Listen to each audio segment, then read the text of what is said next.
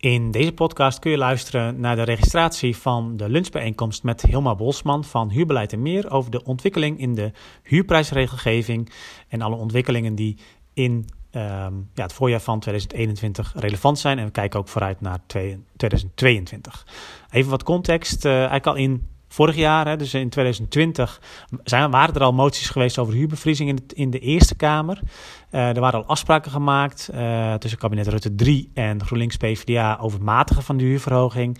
Uh, er was al besproken dat er geen verlaging zou komen van de DAAP-inkomensgrens voor alleenstaanden. En Ollongren, de minister Ollongren had al maatregelen toegezegd om de betaalbaarheid voor lagere inkomens te garanderen. Nou, daar zijn een aantal wetswijzigingen, aanpassingen uit voortgekomen die in het voorjaar van 2021 zijn aangenomen. Daarover worden we dus bijgepraat door Hilma Bolsman. En um, nou, ik schets die context ook even omdat de opname een klein beetje in het verhaal valt. Um, waardoor we meteen eigenlijk het gaan hebben over uh, de eerste, um, eerste wettelijke ontwikkelingen. Um, Hilma die gebruikte bij deze lunchbijeenkomst overigens ook slides. Dus wil je de slides ook kunnen bekijken, ga dan even naar ons YouTube kanaal. En dan kun je daar ook uh, de video van deze registratie zien. maar het is ook prima te doen om dit gewoon te luisteren. En dat kun je dus, uh, dus doen in deze podcast. Dus heel veel plezier daarmee.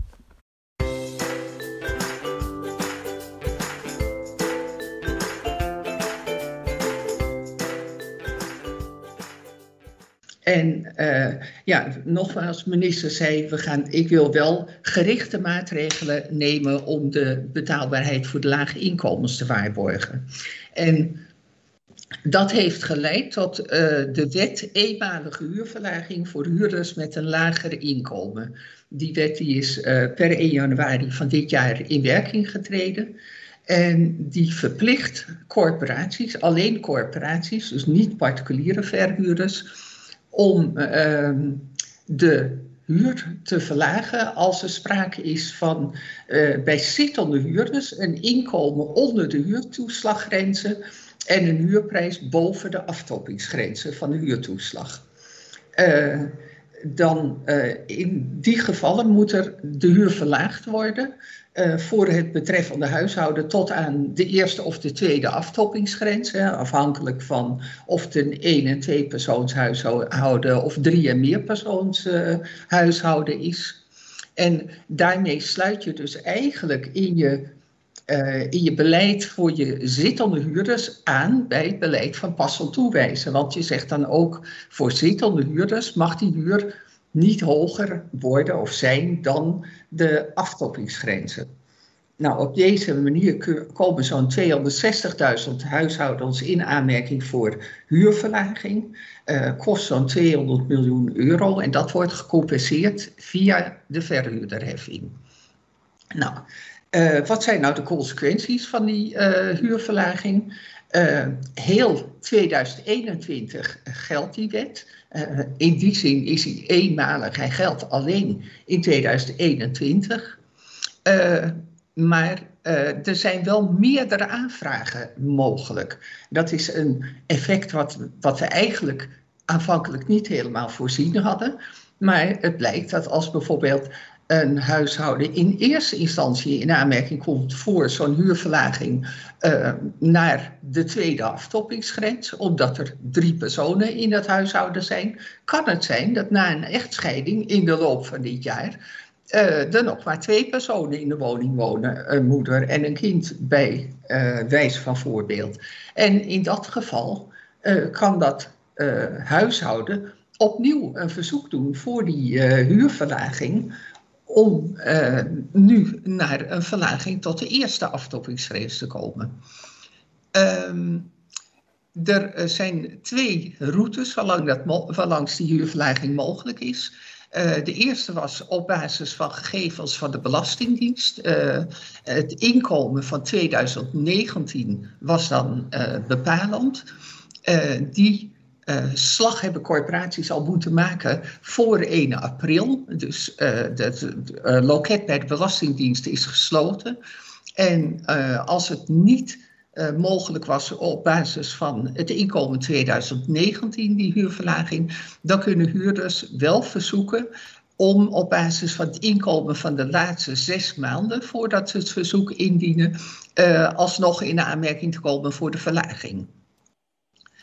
Um, er is, uh, hoewel dat wel aanvankelijk in het wetsvoorstel zat, is uh, de mogelijkheid van de latere inkomenstoets eruit gehaald. Uh, dat, dat is niet mogelijk. Hoewel er nog een klein gaatje is, er is gezegd van nou we kijken bij de evaluatie van de wet of we dat eventueel later alsnog doen. Ik, ik, moet eerlijk zeggen dat ik daar zelf niet veel van verwacht. ik denk niet dat als je het nu niet in de wet hebt staan, ik denk dat het later dan heel moeilijk wordt om te zeggen, we gaan een inkomenstoets doen en dan alsnog die huur weer naar het oude niveau uh, terugdraaien.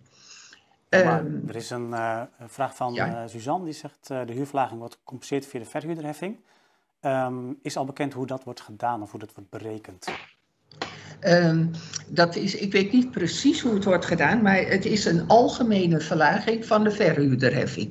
Een, uh, een verlaging van het percentage van de verhuurderheffing.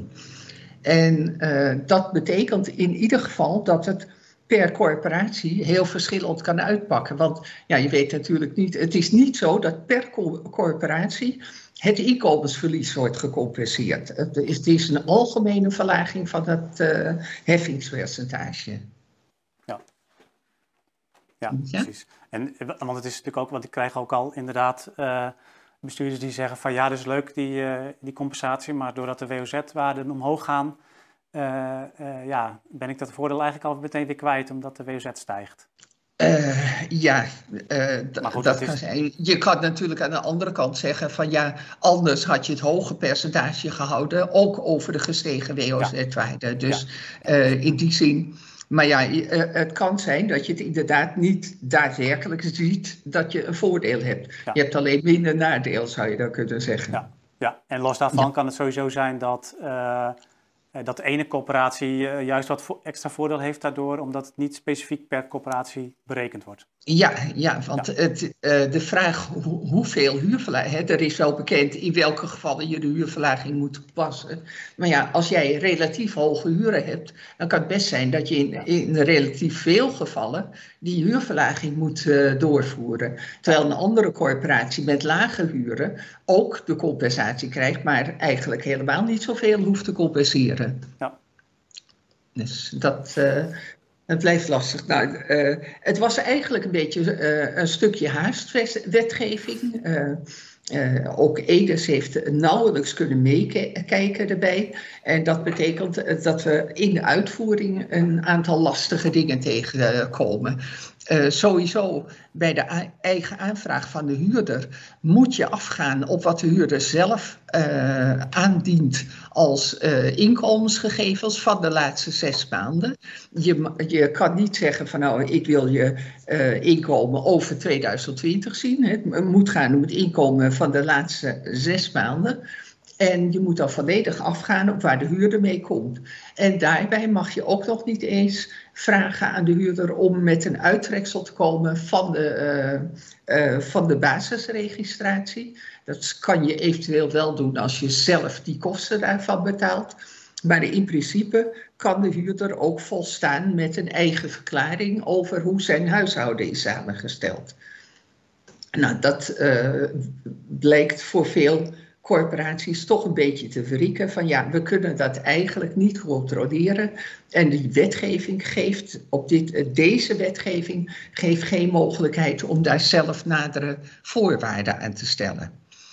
En uh, een ander punt is dat er ook uh, nogal wat tegenstrijdige of onredelijke effecten in kunnen zitten. Een berucht voorbeeld inmiddels is, je hebt een huishouden een woning toegewezen in 2020, zeg eind 2020, op basis van het actuele inkomen 2020. Uh, die zijn meegegaan in de uitwisseling gegevens Belastingdienst. En daaruit komt dat in 2019 dat huishouden nog een heel laag inkomen had. En dan moet je, terwijl je in 2020 passend hebt toegewezen voor het huishouden, moet je op basis van het inkomen 2019 alsnog de huur verlagen. Nou ja, dat, dat is natuurlijk een volstrekt onredelijk effect wat, wat zich toch voordoet. En een ander probleem is als je bent overeengekomen een uh, huurverhoging wegens een energieverbetering of een huurverhoging wegens een woningverbetering. Ja, als je daardoor boven de aftoppingsgrens uit bent gekomen, kan het zijn dat dat huishouden vervolgens een huurverlaging tot aan de aftoppingsgrens krijgt. Dus ja, lastige wetgeving, maar dit soort effecten zijn allemaal niet voorzien op het moment, of, uh, of bewust genegeerd, op het moment dat die wetgeving tot stand kwam. Ik weet niet of hier nog opmerkingen over waren, Ritske? Uh, ja, er ontstaat een levendige discussie over de verhuurderheffing, maar ik wou het daar eigenlijk vandaag niet, even niet over hebben, want um, het is altijd heel interessant om het over de verhuurderheffing te hebben, maar ja. het ministerie zit, niet in deze, zit niet in deze bijeenkomst. Dus uh, ja, we kunnen er heel lang over praten, maar dat levert waarschijnlijk niet zoveel op. Dus ik zou zeggen, bewaar dat gesprek voor als er wel mensen van het ministerie bij zijn. Um, of, of mensen vanuit de politiek of wat dan ook. Maar ik wou nu inderdaad focussen op wat kun je wel binnen de, uh, binnen de regels uh, doen als coöperatie. Dus als daar inderdaad vragen over zijn, dan, dan graag. Petra die vult nog aan, de compensatie vindt niet dit jaar plaats, maar pas in 2022, dus achteraf. Um, oh, oké. Ja. Dat, ja, dat, dat uh, oké, dat uh, is nuttige informatie. Dan wou ik jou uh, um, verder het woord geven voor het volgende onderdeel. Ja, um, ja we, we, hadden het over waar staan we nu op dit moment. Er zijn ook nog wat ontwikkelingen geweest uh, in de huuraanpassing 2021. Um, ehm, na het kabinet Rutte 3 is er een motie aangenomen over uh, huurbevriezing in, en dit keer in de Tweede Kamer. En uh, tot stomme verbazing van iedereen uh, zowel de partijen aan de linkerzijde als, die de, uh, als de coalitiepartijen, uh, bleek die motie ineens steun te krijgen van de VVD. de VVD heeft op geheimzinnige wijze in het verkiezingsprogramma opgenomen dat de huren van sociale huurwoningen bevroren zouden moeten worden. En uh, de partijen die eerder in de Eerste Kamer die uh, motie hadden ingediend voor de huurbevriezing, die dachten we dienen nog een keertje in de Tweede Kamer in. En uh, met een iets gewijzigde titel.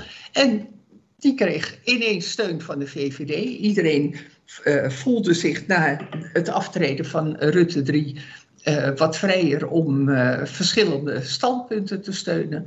En dat heeft tot gevolg dat uh, voor alle sociale huurwoningen uh, het komend jaar in de periode dus van 1 juli 2021 tot met 30 juni 2022 geen uh, reguliere huurverhoging mag plaatsvinden.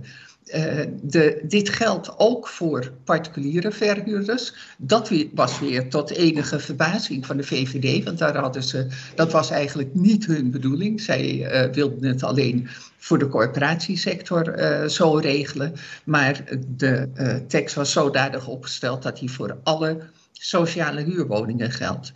Um, in die periode, dat uh, komende jaren, 1 juli tot 1 juli, mag, mag er alleen een huurverhoging wegens woningverbetering uh, plaatsvinden. En ook hier moet weer compensatie worden gegeven in de verhuurderheffing. Ik durf het bijna niet te zeggen uit angst dat er weer opnieuw een uh, discussie ontstaat. dat, dat ook hier zou dat op die manier geregeld moeten worden. En ik weet dat die uh, voor de, uh, die, um, die huurverlaging, eenmalige huurverlaging, dat dat dus al geregeld was. En ik weet niet zeker of dat voor deze al geregeld is, maar het is wel afgesproken dat op die manier via die verhuurdersheffing de compensatie moet komen. Maar ook hier weer natuurlijk een uh, algehele, uh, gemiddelde compensatie en niet per corporatie gericht op wat dat nou precies kost. Overigens is dit ongeveer de minst effectieve manier om de huurders te steunen. Het gaat maar om hele kleine bedragen. Het gaat overal, dus ook naar de huurders die het helemaal niet nodig hebben. En het, ik heb de indruk dat het vooral de Rijksoverheid voordelen oplevert in, de, in het budget voor de, voor de huurtoeslag. Maar of hier nou de huurders heel erg mee geholpen zijn, daar kan je je vraagtekens bij zetten. Ik heb nog een vraag van uh, Christel. Die zegt, eh, die komt nog even terug op het vorige onderdeel. hoe zit het met samenhang tussen de eenmalige huurverlaging en het specifieke maatwerk vanuit het Sociaal Huurakkoord? Omdat ze geeft aan een klein deel van de huurders die vorig jaar een beroep konden doen op specifiek maatwerk vanuit het Sociaal Huurakkoord, ook met huurbevriezing en, en huurverlaging, kan dit jaar geen beroep doen op de wet eenmalige huurverlaging. Um, Kun je daar ja, iets over zeggen? Dat is maar een heel klein uh, stukje. Um, ik heb uh, contact over gehad met Edes en die zei van ja, eigenlijk hebben we geen uh, nieuwe afspraken gemaakt met de Woonbond dit jaar over, die, um, over dat maatwerk, omdat eigenlijk in vrijwel alle gevallen de nieuwe regeling, of de, de, ja, zeg maar die eenmalige huurverlaging in combinatie met deze huurbevriezing in vrijwel alle gevallen uh, voordeliger is uh, voor, de, voor de huurders dan uh, de oude maatwerkafspraken. Dus zij zeiden van nou, het, het komt eigenlijk in de plaats van de maatwerkafspraken. En je kan altijd als corporatie in het enkele geval dat er, uh, dat, dat afwijkingen zijn, uh, of dat je denkt van nou, dit pakt onredelijk uit, heb je natuurlijk altijd de vrijheid om een huurder in een afzonderlijk geval tegemoet te komen. Ja. Uh, ik, ik, voeg daar nog even een persoonlijke noot aan toe. En dat is dat ik het uitermate onhandig vind uh, dat in die afspraken tussen EDES en de Woonbond er gewerkt wordt met andere uh, inkomensgrenzen dan uh, in de huurtoeslagregeling.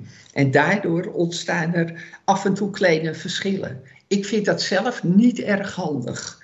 Want ja, dan, dan ga je, terwijl op allerlei regelingen we werken met uh, inkomensgrenzen of van de daapregeling of van de huurtoeslagregeling, ga je dan maatwerkafspraken maken waarbij je daar net weer van afwijkt. Omdat ze daar gewerkt hebben met NIBUD-grenzen ja. voor de inkomens. Dus ja. je moet je afvragen of je dat moet willen. Ja, je zegt dus ook, uh, corporaties zijn formeel misschien niet meer gebonden aan die afspraken met de woonbond, maar in de praktijk kun je dat natuurlijk wel gewoon doen. En Misschien ja. Uh, ja, voelen Edes en Woonbond zich dan ook nog steeds wel aan verbonden in ieder geval. Ja, het, uh, maar nou ja, het, ook Edes en Woonbond zeggen van ja, we hebben eigenlijk die afspraken niet vernieuwd, omdat dat uh, eigenlijk niet nodig is ja. dit jaar. Ja. Ze hebben het wel over om voor volgend jaar weer dat soort afspraken te gaan maken. Ja, ja precies. Ja, helder. Ja. Um, Even kijken, Bart Wintjes die zegt nog, de huur van de NITAP die mag dus wel verhoogd worden? Uh, ja, daar kom ik op.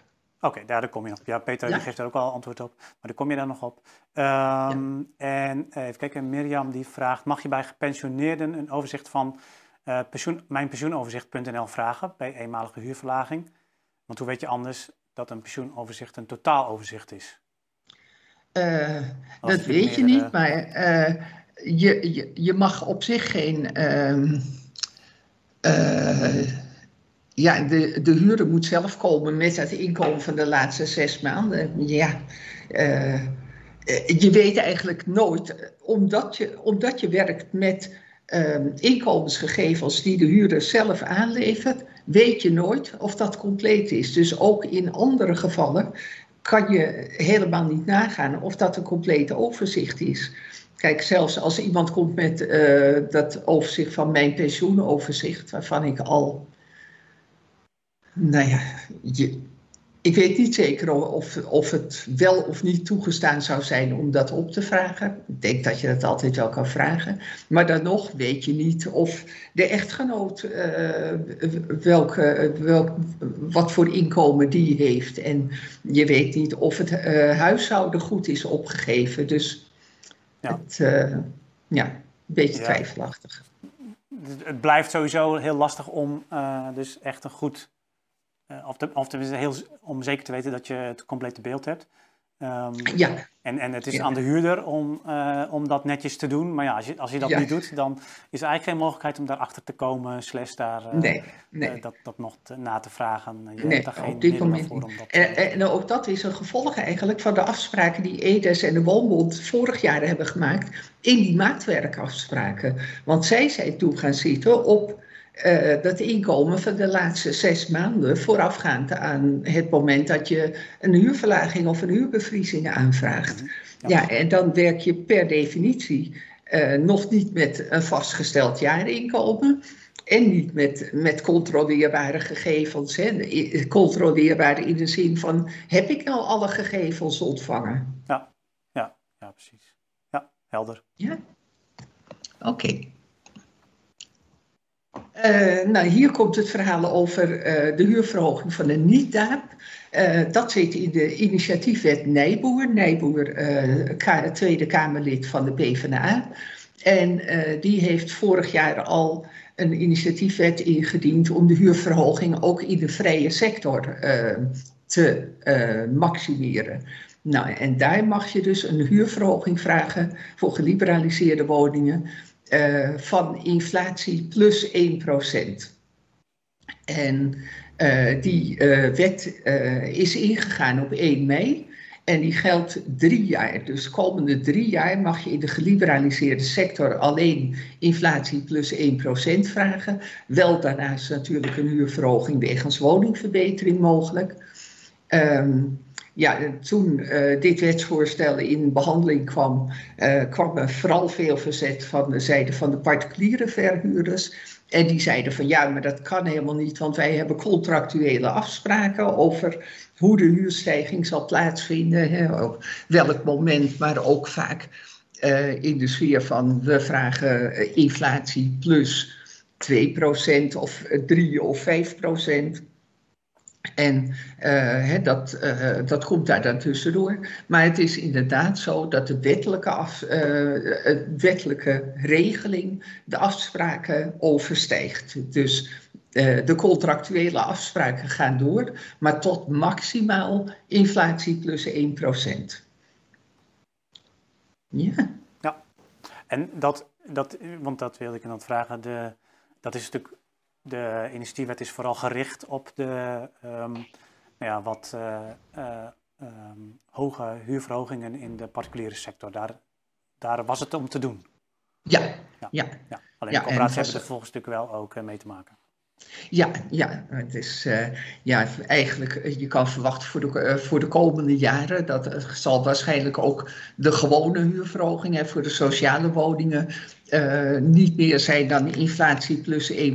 Ja, dan heb je in de geliberaliseerde sector dezelfde verhoging. Ja. En de geschillen over de huurverhoging in de geliberaliseerde sector kunnen dan ook naar de huurcommissie. Ja. Ja?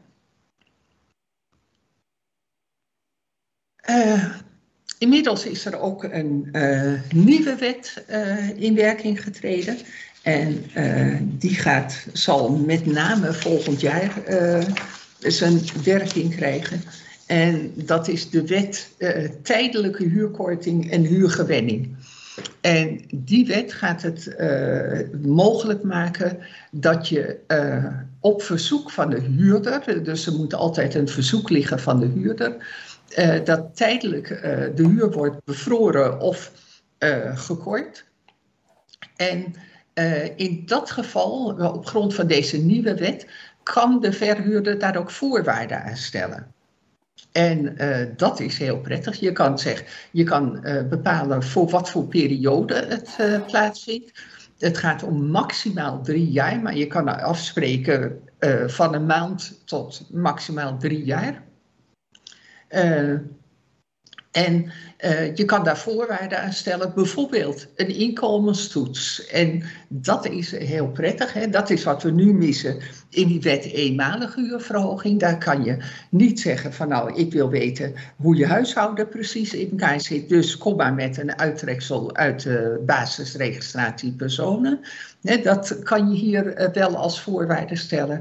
En je kan ook zeggen van nou, je zegt nu, je inkomen van de voorafgaande zes maanden is uh, laag geweest. Dat uh, is prima. Op grond daarvan verlaag ik het inkomen. Maar na afloop van het jaar wil ik dat je met je jaaropgave of met je belastingvaststelling uh, komt. En aan de hand daarvan bepaal ik of die. of het wel of niet terecht was en kan het ook teruggedraaid worden. Ja. Uh, na maximaal drie jaar kan je terugkeren naar de oude huur. Daarbij kan je ook nog de gemiste huurverhogingen, de reguliere huurverhogingen, uit die tussentijd uh, bij inhalen. Maar uh, het is of terug naar de oude huur, of de huurkorting wordt definitief. Je kan niet zeggen, ik verleng het nog twee jaar. Dus het is wel een maximum van drie jaar. Jos, heeft daar een vraag over, want die zegt... Ehm, Um, is dat dan niet anders dan de huurgewenning die we in een sociaal plan voor herhuisvesting kunnen opnemen? Uh, want daarin uh, hanteren zij normaal gesproken vier jaar. Uh, ja, dat, dat is het volgende punt. Want de wet heet de wet tijdelijke huurkorting. Maar je gaat over tijdelijke huurkorting en huurgewenning. En uh, dit is inderdaad ook bedoeld als huurgewenning, bijvoorbeeld bij, na stadsvernieuwing, bij vervangende nieuwbouw. Um, dit is uh, het onderdeel wat je op initiatief van de verhuurder kan doen. Het gaat om huurgewenning bij aanvang van het huurcontract, hè, dus bij een nieuw huurcontract. Uh, waarbij je eventueel stapsgewijze verhoging overeenkomt naar een uh, vooraf overeengekomen huur. En ja, in de wetsbehandeling wordt gezegd, bijvoorbeeld voor jongeren, hè, als die nog niet de leeftijd van 23 jaar hebben bereikt, dus dat je eerst de lagere huur wil geven, zodat je niet boven de huurgrens uitkomt voor de huurtoeslag. En daarna weer na 23ste uh, leeftijd, bereik van de 23 jaar, de huur weer kan verhogen. Um, dit is een beetje een lastig onderdeel, in, nou, lastig in de zin van, ik weet dat op vrij ruime schaal corporaties huurgewenning afspreken. En eigenlijk is dat in de regelgeving op dit moment niet mogelijk. Dus uh, je ziet ook dat het ministerie dit presenteert als kijk, nu kan je huurgewenning afspreken. Dat gebeurt al jaren. Maar eigenlijk, als je heel eerlijk bent, kan dat helemaal niet volgens de huidige regelgeving. Je hebt een geldende huur. En als je die gaat verhogen met grote stappen, bijvoorbeeld om stapsgewijs naar de gewenste huur uh, toe te komen, ja, dan, dan is je huurverhoging groter dan wat wettelijk mag. Dus het is altijd, en uh, juristen uh, zeggen van nou, als we het omkleden met allerlei um, overwegingen waarom we dat doen, hè, en het is ook uh, bedoeld om de huurder tegemoet te komen, dan kan dat. ik weet niet, ik, ik heb nooit gehoord dat het ooit bij de rechter is gekomen, maar als je strikt volgens de regelgeving kijkt, kan het eigenlijk niet in de huidige situatie, de huurgewenning. En deze wet maakt dat wel mogelijk. Maar ik zou in het vervolg geen periode van vier jaar meer nemen, maar gewoon op drie jaar gaan zitten. Dus dat je aan gaat sluiten bij die nieuwe wetgeving. Ja, dus jij zegt eigenlijk van alles wat er tot nu toe gebeurde, dat werd eigenlijk min of meer uh, gedoogd. Of in ieder geval, ja, dat werd gewoon gedaan. Ja. Uh, en nu zit je toch wel aan die, uh, uh, aan die wet vast. Ja, nou ja, je zit eraan vast. Maar ik zou zeggen, die wet ligt er nu. Dus dan, ja. dan zou ik daar niet meer omheen gaan. Dat, nee. dat lijkt me niet zo, niet zo handig. Maar ja, het, ik weet dat de juristen anders over denken dan, dan dat ik dat doe. Maar bijvoorbeeld de autoriteit woningcorporaties heeft een paar jaar terug een, een brief gestuurd naar corporaties. Ook over die lage, het vragen van een lagere huur aan jongeren. En uh, de autoriteit heeft toen gezegd van ja, dat kan helemaal niet volgens de huidige regelgeving. Dat je dan uh, na een paar jaar die huur toch weer verhoogt naar het gewenste niveau. Ja. ja? Kijk, want hier waren wel een paar vragen over. Uh, Kiri die vraagt, mag je die controle die op, de, op het inkomen ook jaarlijks achteraf herhalen? Ja, ja. Okay. Dus, en dan kan, kunnen daar eventueel weer consequenties aan zijn voor de, voor de huur. Ja, ja, maar dan moet je dus, het spreekt dat wel van tevoren goed af. Ja. leg dat goed vast, wat je doet, wat je verlangt en waarom je dat verlangt. Maar dat mag je inderdaad vragen. Helder. Um, even kijken, en Petra die vraagt nog, um, is het ook inderdaad nu bedoeld ook voor jongeren die dus bijvoorbeeld onder de, in verband met hun leeftijd onder de kwaliteitskortingsgrens moeten starten om, om toegang ja. tot de huurtoeslag te krijgen? want ja. zij had de indruk dat de wet daar niet per se voor bedoeld was.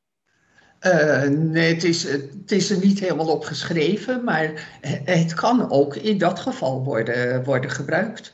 Ja. Het, zij al, het, maakt niet zoveel uit hoe je dat noemt, uh, huurgewenning of uh, een tijdelijke huurkorting. Denk er wel om, als je het een tijdelijke huurkorting noemt, dat dat op verzoek van de huurder moet gebeuren. Dus ja. dat is wat er op het vorige plaatje staat. Dus eh, daar moet echt een verzoek van de huurder liggen. En jij mag dat natuurlijk opstellen en dat door de huurder laten tekenen. Dat is uh, geen probleem. Maar uh, formeel moet je wel zorgen dat dat uh, in orde is. Wat hier wel lastig bij is, is die maximale periode van drie jaar. Want als je aan een jongere van 18 jaar een woning verhuurt. En waarvan je zegt op zijn 23ste jaar uh, kan, die, uh, kan die huurpas omhoog, kan die huurpas boven die ja. uh, kwaliteitskortingsgrenzen uitkomen, ja, dan kom je net even tekort aan die drie jaar. Ja, ja precies. Um, ja, helder denk ik wel. Marcia die vraagt inderdaad, die stelt daar ook nog een vraag over. Die zegt van, dan, dan, is het, dan is het geen stapsgewijze verhoging, maar dan is het eigenlijk meer van, nou ja, je begint onder de kwaliteitskortinggrens en uh, zodra iemand 23 is, uh, ga je naar de reguliere huur, wat, het, wat je eigenlijk ja. zou willen vragen als coöperatie. Um, maar dat kun je ook gewoon op die manier afspreken dan? Um, volgens mij wel. Uh, dat, daar begin ik nu natuurlijk over te twijfelen. Uh, er wordt, ja, maar stapsgewijs kan natuurlijk ook betekenen in één stap. Hè? Er staat ja. niet bij in hoeveel stappen het moet plaatsvinden. Ja. Als je maar heel helder bent over wat je afspreekt en waar je naartoe wil en wat dan uh, de nieuwe huur wordt. Dus uh, dat je bijvoorbeeld niet op een gegeven moment zegt van nou, we gaan toe naar een huur van 600 euro uh, na drie jaar. En dat je dan na drie jaar zegt, uh, ja, maar uh, we hebben wel 600 euro afgesproken. Maar daar komen natuurlijk toch wel de jaarlijkse huurverhogingen bij. Als je dat wil, dan zeg je 600 euro plus de jaarlijkse huurverhogingen. Ja. Dus leg het goed vast. Dus je moet even heel goed nadenken en drie jaar in de toekomst kunnen kijken. En dan te, heel strak vastleggen. Ja. Ja. En dan daarna dan ga je gewoon weer mee in het reguliere.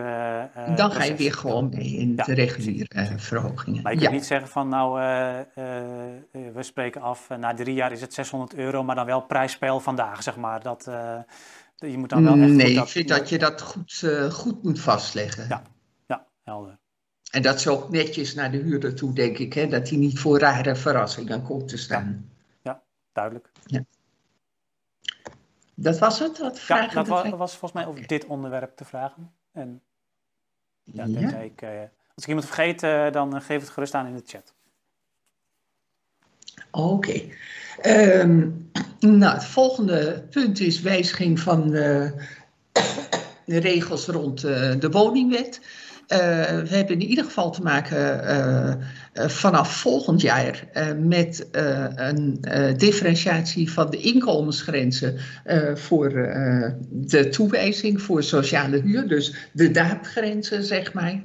Die worden gedifferentieerd naar één en meer persoonshuishoudens. En nou, je ziet hier de bedragen 40.000 en 44.000. En dat zijn de bedragen prijspeil uh, van uh, eh, 2021. Eigenlijk zijn dat de huidige lage en hoge inkomensgrenzen in de huidige daapregeling.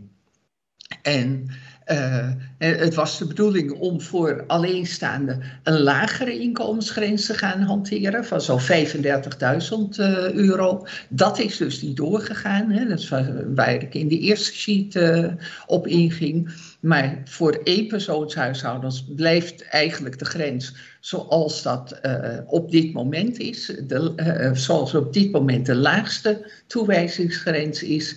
En voor meerpersoonshuishoudens wordt die grens verhoogd. En dat betekent dat eigenlijk het gebied van de van de sociale sector wat verruimd wordt. Er komen meer huishoudens in aanmerking. Uh, de, de toewijzingssystematiek verandert ook. Hè. We hebben nu de 80-10-10 regeling. Dus 80% moet je toewijzen onder de laagste inkomensgrens. 10% tussen de laagste en de hoogste mag je gebruiken. En 10% van de woningtoewijzingen mag je boven de maximale grens doen. Uh, vanaf volgend jaar gaat dat naar in principe 92,5, 7,5. Dus die tussencategorie verdwijnt. Uh, je moet 92,5% toewijzen onder de, uh, onder de DAAP-grens. En 7,5% mag je vrij toewijzen. Mochten er uh, regio's zijn waar er uh, behoefte is aan uh, meer vrijheid in de toewijzing, dan mag je maximaal naar 85, 15 procent. Maar dat moet je dan wel afspreken in de prestatieafspraken. Nou, ingangsdatum dus volgend, januari volgend jaar. Ja, waren daar nog vragen over? Ik zie nog geen vragen in de chat daarover. Oké. Okay. Het, het, is dus wel van belang, uh, misschien goed om nog even te benadrukken, om dat dus in de prestatieafspraken uh, misschien al dit jaar vast, vast te leggen als je uh, meer dan 7,5% wil toewijzen, toewijzen ja. ja. buiten die inkomensgrenzen. Ja, dat, uh, maar ik, uh, als ik nu kijk, dan zie ik dat heel veel corporaties, ja, eigenlijk uh, het merendeel van de woningen al toewijzen onder de lage inkomensgrens. En maar heel beperkt in, in enkele procenten meestal toewijzen boven de grens. Dus ik verwacht dat er niet heel vaak uh, gebruik van die 15% uh, nodig zal zijn. Ja. Ook al omdat natuurlijk dat uh, daadgebied wat wordt opgerekt door die nieuwe inkomensgrenzen. Ja. Walter die, die, die zegt van, ja, je kunt het nu al opnemen in het bod, hè? dus aan de, voor de prestatieafspraken. Ja. Henk die vraagt zich wel af, hoe ga je dat aanvliegen als je, dat in, als je in 50 gemeenten werkt? ja, dat lijkt me ook wel lastig. Uh, ja, maar ja, dat, ja. ja. Ik weet niet of wij daar nu antwoord op hebben, maar uh, nee. ja, je, ja. je, kunt natuurlijk standaard in je bod opnemen, uh, maar dan is nog de vraag, dan zal er waarschijnlijk ook ja. wel verschillen komen in wat je dan gaat afspreken in verschillende gemeenten. Uh, dus ik kan me voorstellen dat, dat je dan toch achter de schermen moet noteren waar wel en waar niet. Ja, ja het is natuurlijk niet eh, de woningmarktsituatie, zeker als je in zoveel gemeenten werkt, dan is de woningmarktsituatie uh, natuurlijk niet overal hetzelfde. Ja. En uh, dan kan het dus zijn dat, je, uh, dat dat inderdaad per gemeente verschilt. Maar misschien dat je eerst toch een analyse zou moeten toepassen van waar ge gebruik ik op dit moment die laatste 10%, die, ja. die, uh, hè, die mogelijkheid om 10% boven de grenzen toe te passen. Nou, waar gebruik ik dat of zou ik dat willen gebruiken? En daar zou je dan het bod op moeten afstemmen. Maar ik denk dat in heel veel gevallen die, die 7,5% voldoende is. Ja, ik, ik, ik zie zelf ook vaak dat corporaties willen wel graag die ruimte hebben. Ja. Maar volgens wat hij niet gebruikt, ook uit een soort van zekerheidshalve, zo van willen niet eroverheen schieten. Ja. Heb je daar nog suggesties voor, hoe, hoe je daarmee omgaat? Nou ja, kijk, je, je wil natuurlijk een zekere marge hebben en uh, dat uh, kan ik me voorstellen. En uh, wat ik tegen ben gekomen is dat corporaties dat bijvoorbeeld willen, willen hebben voor, soms voor toewijzingen van woningen aan, aan ouderen en vooral bij stadsvernieuwingsprojecten. Ja. Omdat je daar op een gegeven moment ook weer nieuw wil kunnen toewijzen aan uh, je zittende huurders die inmiddels misschien een hoger inkomen hebben. Maar ja, dan moet je dus, je moet dus even kijken van hoeveel heb ik daarvoor nodig. Ja, ik kan me ook voorstellen dat het juist ook voor wat kleinere corporaties, als, als je inderdaad als kleinere corporatie in één keer in een jaar veel uh, stadsvernieuwingsprojecten hebt of je hebt ja, ja. een oudere project of wat dan ook. Dan loop je misschien een keer in dat jaar ineens wel tegen die grenzen ja, aan. Dus, ja. dus dat is wel inderdaad goed om daar dan extra op te letten. Ja, ja. inderdaad. Ehm, Oké. even kijken, Bart zegt nog, niet gebruik van extra toewijzingsruimte is niet alleen voor de zekerheid, maar ook om verdringing in de sociale voorraad te voorkomen. Ja, je houdt natuurlijk altijd de afweging van, moet ik nu inderdaad op mijn DAAP uh, doelgroep richten of moet ik juist voor die hogere doelgroep woningen vrijspelen? Ja, ja. Want het is in beide gevallen schaarste. Dat, ja, ja, Dat, dat is zeker. En je moet niet vergeten dat door die verhoging van die inkomensgrenzen, of tenminste die, die meerpersoonsgrens naar de 44, heb je eigenlijk, dat is best al een hoger inkomen. Hè? Je zit dan al een heel stukje boven de, de grenzen van de, van de huurtoeslagregeling. Dus je hebt al de mogelijkheid om zeg maar een deel van je woningen, wat een huurprijs heeft tussen de tweede aftoppingsgrens en 750 euro, om die aan de iets hogere inkomens uh, toe te wijzen. En ik hoor dus veel corporaties zeggen van ja, die inkomens daarboven, ja, die heb ik uh, uh, bij wijze van uitzondering wijs ik die toe. Maar ik heb mijn voorraad heel hard nodig voor de mensen met wat lagere inkomens. Dus ja.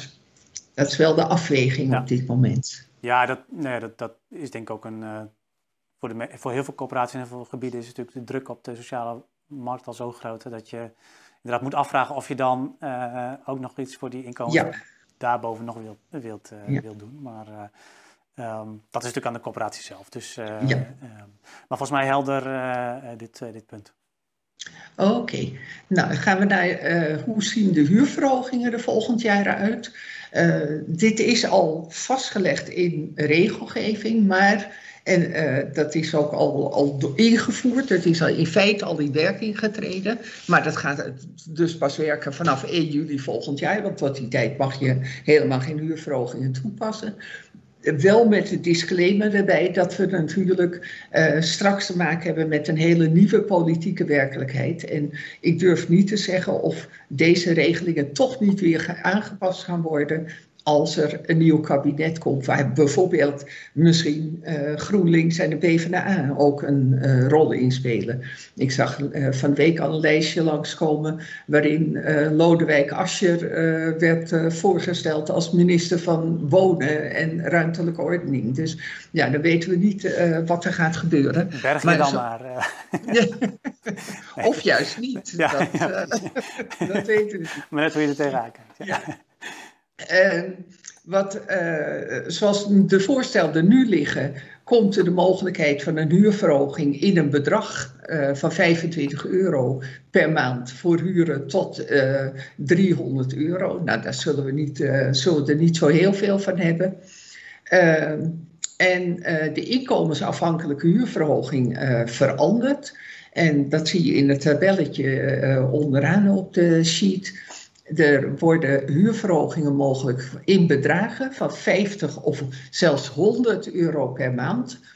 Uh, dat zijn de bedragen inclusief inflatie, dus het zijn absolute bedragen. Uh, bij uh, verschillende inkomensgrenzen. Dus je ziet hier bijvoorbeeld een eenpersoonshuishouden met een inkomen boven 47.077 tot 55.000 euro, die kunnen een huurverhoging krijgen van 50 euro per maand. En uh, met een inkomen daarboven van zelfs van 100 euro per maand. Nou, die grenzen liggen weer hoger voor de meerpersoonshuishoudens.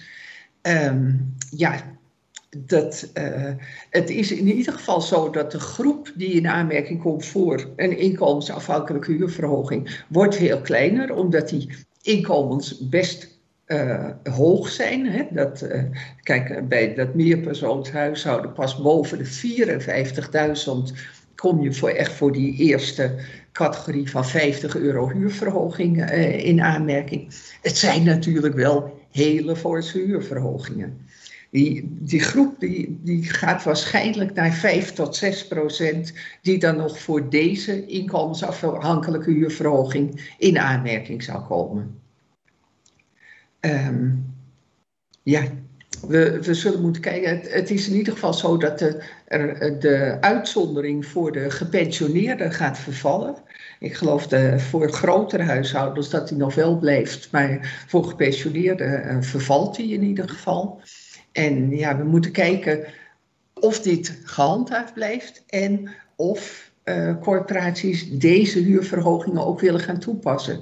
Het, zijn, het is de enige mogelijkheid om nog extra huurverhogingen te krijgen hè, van boven uh, inflatie, want de huursomstijging zal gemiddeld op inflatie worden gezet.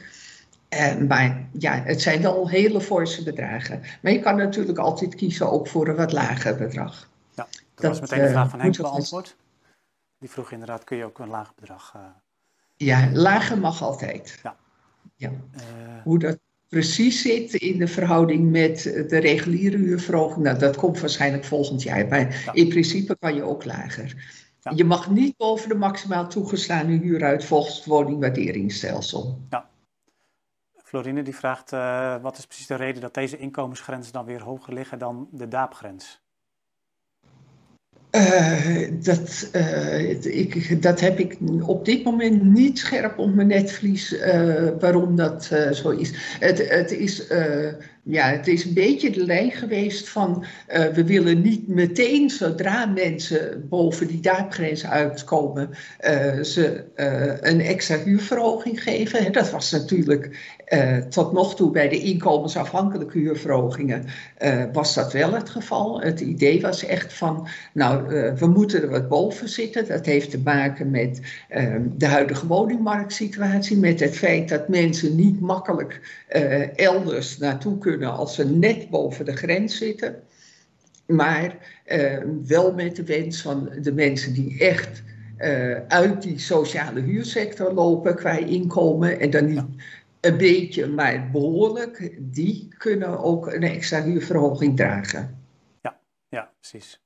Dus om ook niet uh, ja, eigenlijk te voorkomen wat eigenlijk tot, tot voor kort ook met de huurtoeslag aan de hand was. Op het moment dat je op een gegeven moment niet meer voldoet, ja, dan valt het helemaal dat weg. Dat je dan meteen uh, ja. te klos bent. Ja, ja, precies.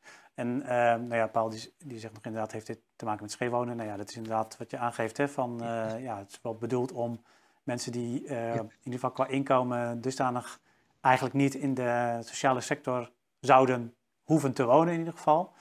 Um, in ieder geval qua inkomen, want daar kun je nog allemaal andere uh, ja. um, uh, discussie over hebben natuurlijk. Uh, maar wel om die dan ook ja, een beetje te prikkelen om, om daaruit te gaan. Ja, ja, maar ja, het, dat blijft een lastige discussie. Enerzijds omdat je kan afvragen van hoeveel mogelijkheid heb je als je al scheef woont om door te stromen naar uh, een duurdere woning of naar een koopwoning. En uh, in de tweede plaats moet je als corporatie ook altijd afvragen als die, en we zien toch al dat, zich, dat de inkomens uh, of, of dat de sociale sector zich steeds meer concentreert op lage inkomens en ook vaak op wat problematische uh, groepen of groepen met een wat meer problematische achtergrond. En wil je dan die laatste 5 tot 10 procent van de mensen met wat hoger inkomen, wil je die dan je woningen uitjagen? Ja. Of wil je, ga je die juist koesteren? Ja. Maar dat is inderdaad een kwestie van beleid. Ja, dat is inderdaad. Uh, Um, kijk, Mirjam die had nog een vraag over de vorige, het vorige onderwerp. Um, ja. Stadsvernieuwingsurgenten met een hoger inkomen dan de daapgrens, herhuisvesten in sociale voorraad. Um, ja. Even kijken of ik de vraag goed snap. ja, volgens mij bedoelt zij te vragen, geld, die, die tellen dan mee voor die 7,5% ruimte die je hebt uh, om toe te wijzen. Dus gaat het om uh, herhuisvesten ja, volgens, van... volgens mij gaat dat, want uh, dan, dan heb je het over nieuwe woningtoewijzingen. Die moeten in feite voldoen aan je, aan je DAAP-toewijzingen. ja. ja, precies. Dus die, die, die ja. moeten in die 7,5% zitten. Dus ja, ja. als je inderdaad veel als je een relatief kleine corporatie bent en je, je hebt veel projecten, dan, uh, dan kan dat wellicht een probleem worden. Ja, maar dan moet je dus nog kijken of je, hè, de kleine corporatie, veel projecten en heb je dan ook veel mensen die, uh, die echt een hoger inkomen hebben. Ja. Petra die, die zegt nog, nou dat is een leuk vooruitzicht voor de huurders die dan via de vrije toewijzingsruimte uh, bij jou zijn komen wonen met dat hogere inkomen. En dan volgens bij de eerstvolgende huurverhoging uh, die extra huurverhoging gaan betalen. Dat is natuurlijk. Uh, ja, ja, ja, Dan moet je er eigenlijk weer uit. Dat, dan geldt altijd dat het een keuze is om dat te doen en ja. het is niet verplicht. Nee, precies. En dat, dat zou dan wellicht ook niet heel uh, consistent coöperatiebeleid zijn als je aan de ene kant zegt, ja, ik wil de middeninkomens graag huisvesten. Ja. Um, en ik doe dat tegen een bepaalde huur, hè, want dat kun je natuurlijk vanaf het begin natuurlijk nog die huur daarop aanpassen. Ja. Uh, en dan ga ik vervolgens wel ze er weer proberen uit te jagen met een inkomensafhankelijke. Ja, ja, ja dat, dat zou uh, onlogisch zijn. Dat, dat zijn dingen, en daar, daar moet je steeds naar kijken van wat doe ik met toewijzingen en wat doe ik voor, bij de zittende huurders en ja. uh, zit daar een consequente lijn in. Ja, ja, helder. Oké. Okay. Oké. Um, ja, waar we nog uh, mee te maken krijgen, en dat zal in de verdere politieke uitwerking uh, nog een rol spelen, uh, is de, ja, de actieagenda wonen. Hè. Er is een brede coalitie geweest van allerlei maatschappelijke partijen die voor uh, de verkiezingen, geloof ik al, of vlak daarna, uh, zeg maar een woon, uh, woonwensenagenda in hebben gediend. Nou, daar staan een heleboel onderdelen in. Maar als je specifiek kijkt naar zaken rond huurbeleid, dan wordt er voorgesteld om in ieder geval de komende jaren alleen inflatievolgende huursomstijging te doen. Dus wat we nu nog hebben, de mogelijkheid om lokaal af te spreken, dat. Ehm, de huursomstijging inflatie plus 1% wordt, die uh, zou dan verdwijnen. Uh, dus alleen inflatie volgend. En in de jaarlijkse huurverhoging mag je dan inflatie plus 1%, maar dat moet je dan elders in je bezit compenseren. Los van dat kleine stukje inkomensafhankelijke huurverhoging, die dan meestal niet wordt meegeteld bij de huursomstijging nou, eventueel specifiek maatwerk als het gaat om uh, uh, de spe specifieke regelingen voor mensen met lagere inkomens. Jaarlijks prestatieafspraken voor invulling van de betaalbaarheid. dus dat zou een onderdeel worden van je prestatieafspraken met de gemeente. En er wordt een nieuw sociaal huurakkoord voor tussen EDES en de Woonbond aangekondigd. Ja, dit is een agenda wat daar daadwerkelijk van tot stand gaat komen, dat is nog onduidelijk. Maar dat is ook een beetje richting de politiek uh, geschreven. Uh, een beetje een open uitnodiging van ga met ons in gesprek en ga het allemaal niet zelf regelen, maar uh, zorg ook dat je met de partijen die er toe doen in, in dat, dit veld, dat je daarmee aan tafel gaat zitten. Ja. ja. Uh, nou, precies drie minuten voor half twee, geloof ik, uh, tot uh, een aantal conclusies. Ja, je ziet dat, dat is eigenlijk altijd al zo, maar het wordt steeds sterker, dat het huurbeleid steeds meer wordt bepaald of beïnvloed door allerlei wisselende regelgeving. Kijk maar naar de verrassing met de eenmalige huurverlaging dit jaar. Uh, ik, ik, zie toch een tendens dat sturing op prijskwaliteit steeds lastiger wordt. Want uh, je ziet dat de relatie met dat inkomen van de huurder steeds explicieter uh, wordt. Um, nou, het volgende punt had ik het net al even over. Hè, dat je, je corporaties constateren dat ze steeds meer ja, de, ook door bijvoorbeeld het systeem van passend toewijzen, steeds meer concentratie krijgen in hun bezit van lage inkomens. En uh, ja, daardoor wordt de corporaties steeds vaker bewaker en uitvoerder van beleid rond betaalbaarheid voor individuele huurder. Ook als je eigenlijk liever zou zeggen, ik wil liever sturen op prijskwaliteit en ik wil niet, uh, niet al te veel werken met inkomensgerichte maatregelen. Daar wilde ik mijn uh, deel van de presentatie even bij laten. En ja. ik weet niet of. Duidelijk. Um, nog uh, opmerkingen over zijn. Ik, had, ik zie in de chat, dus, dus als je nog vragen hebt ook over andere onderdelen die misschien niet aan bod zijn gekomen, stel, ze, stel ze gerust. Um, dat kan nu in de chat nog eventjes. Um, Suzanne die vraagt, heb je een tip hoe je snel op de hoogte kan zijn van veranderingen in wetgeving rondom huurbeleid? Uh, ik heb zelf toevallig, uh, zag ik onlangs dat, je, uh, dat er een website woningmarktbeleid.nl is. Die ja, dan op, die, op die bedoel ik. Ja, ja. ja. oké, okay, dus woningmarktbeleid.nl, dat, maar er stond ook weer niet heel veel op, zag ik. Maar nou goed, dat is dan... Nou ja, weet je, al deze maatregelen staan er wel op, maar het uh, het is lastig om het uh, bij te houden. En uh, ik heb zelf, terwijl ik, nou ja, ik, ik ben de, de, de ik, ik, word geacht dit allemaal goed te weten en bij te houden. Ik heb zelf gisteren het ministerie moeten bellen van welke wetten zijn al, al aangenomen en wanneer. Dat is bijna niet terug te vinden. Dat is heel lastig.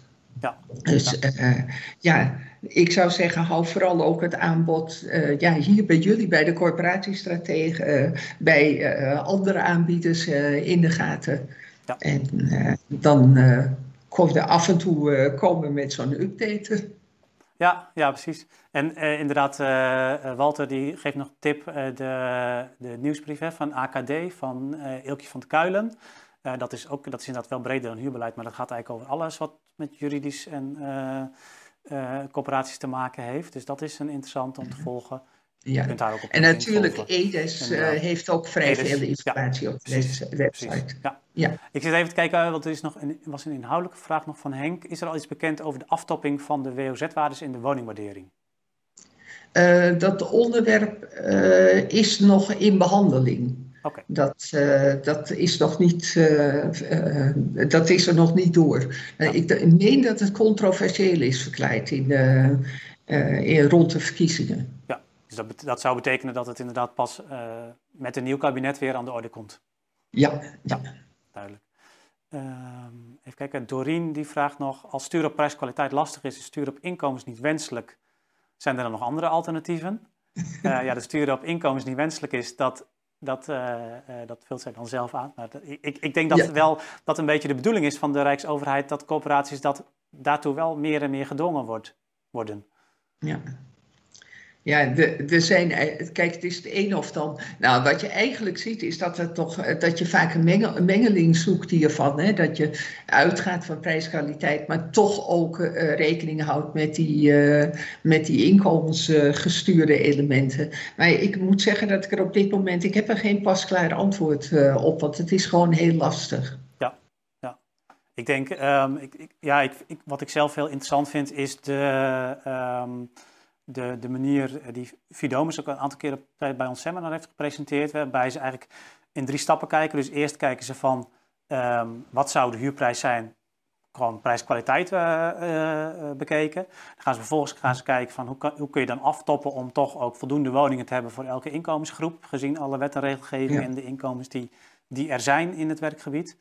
Uh, en dan gaan ze nog als derde stap nog vanuit leefbaarheidsinvalshoek kijken van, ja, krijg je dan niet concentraties van alleen maar één inkomensgroep in een, uh, in een buurt ja. of een wijk? Um, nou, ja, dat is, zou een manier kunnen zijn om daarnaar uh, naar te kijken. Ja. Um, ik ga nog even naar de chat. Um, Suzanne zegt dank. Paul zegt dank voor deze heldere toelichting. Bart zegt dank voor de heldere presentatie. ik zie verder geen inhoudelijke vragen meer. Anders kunnen ze volgens mij ook bij jou op de website, helmaalbosman.nl. Uh, uh, nee, ik, het, mijn website ben ik niet zo heel actief uh, nee, op. Maar dan kunnen ze in ieder geval jouw contactgegevens vinden. Ze kunnen wel altijd ja. mijn contactgegevens daar vinden. En eh, je kan altijd een vraag stellen en dan ja. reageer ik. Helemaal goed. Ja, ja ik dank jou voor jouw bijdrage en voor de toelichting ook aan iedereen. En um, ik wou de, wilde de bijeenkomst hierbij afsluiten. jullie uh, krijgen nog de slides dus. En nou, mochten er vragen zijn, kun je altijd even uh, onze mailtje sturen of, of rechtstreeks naar, uh, naar Hilma, hilmabolsman.nl. Daar kun je dus de contactgegevens ook vinden. Um, deze uitzending die komt ook nog weer beschikbaar om terug te kijken eventueel. Dus wellicht wil je hem dan nog eens een keer terug bekijken of doorsturen naar collega's. Dat kan allemaal. Um, dank jullie wel ook voor jullie vragen. en uh, ja, ik wens jullie nog een hele fijne middag en uh, heel veel succes natuurlijk ook met het huurbeleid, uh, wat jullie ongetwijfeld in de komende periode ook weer gaan evalueren, aanpassen, opzetten, wat dan ook. Tot ziens. Bedankt voor het luisteren naar deze podcast. Wil je nieuwe afleveringen ontvangen? Abonneer je dan op deze podcast. En kijk ook eens op onze website corporatiestratege.nl voor meer praktische tips en downloads die jouw werk als corporatiestratege makkelijker maken.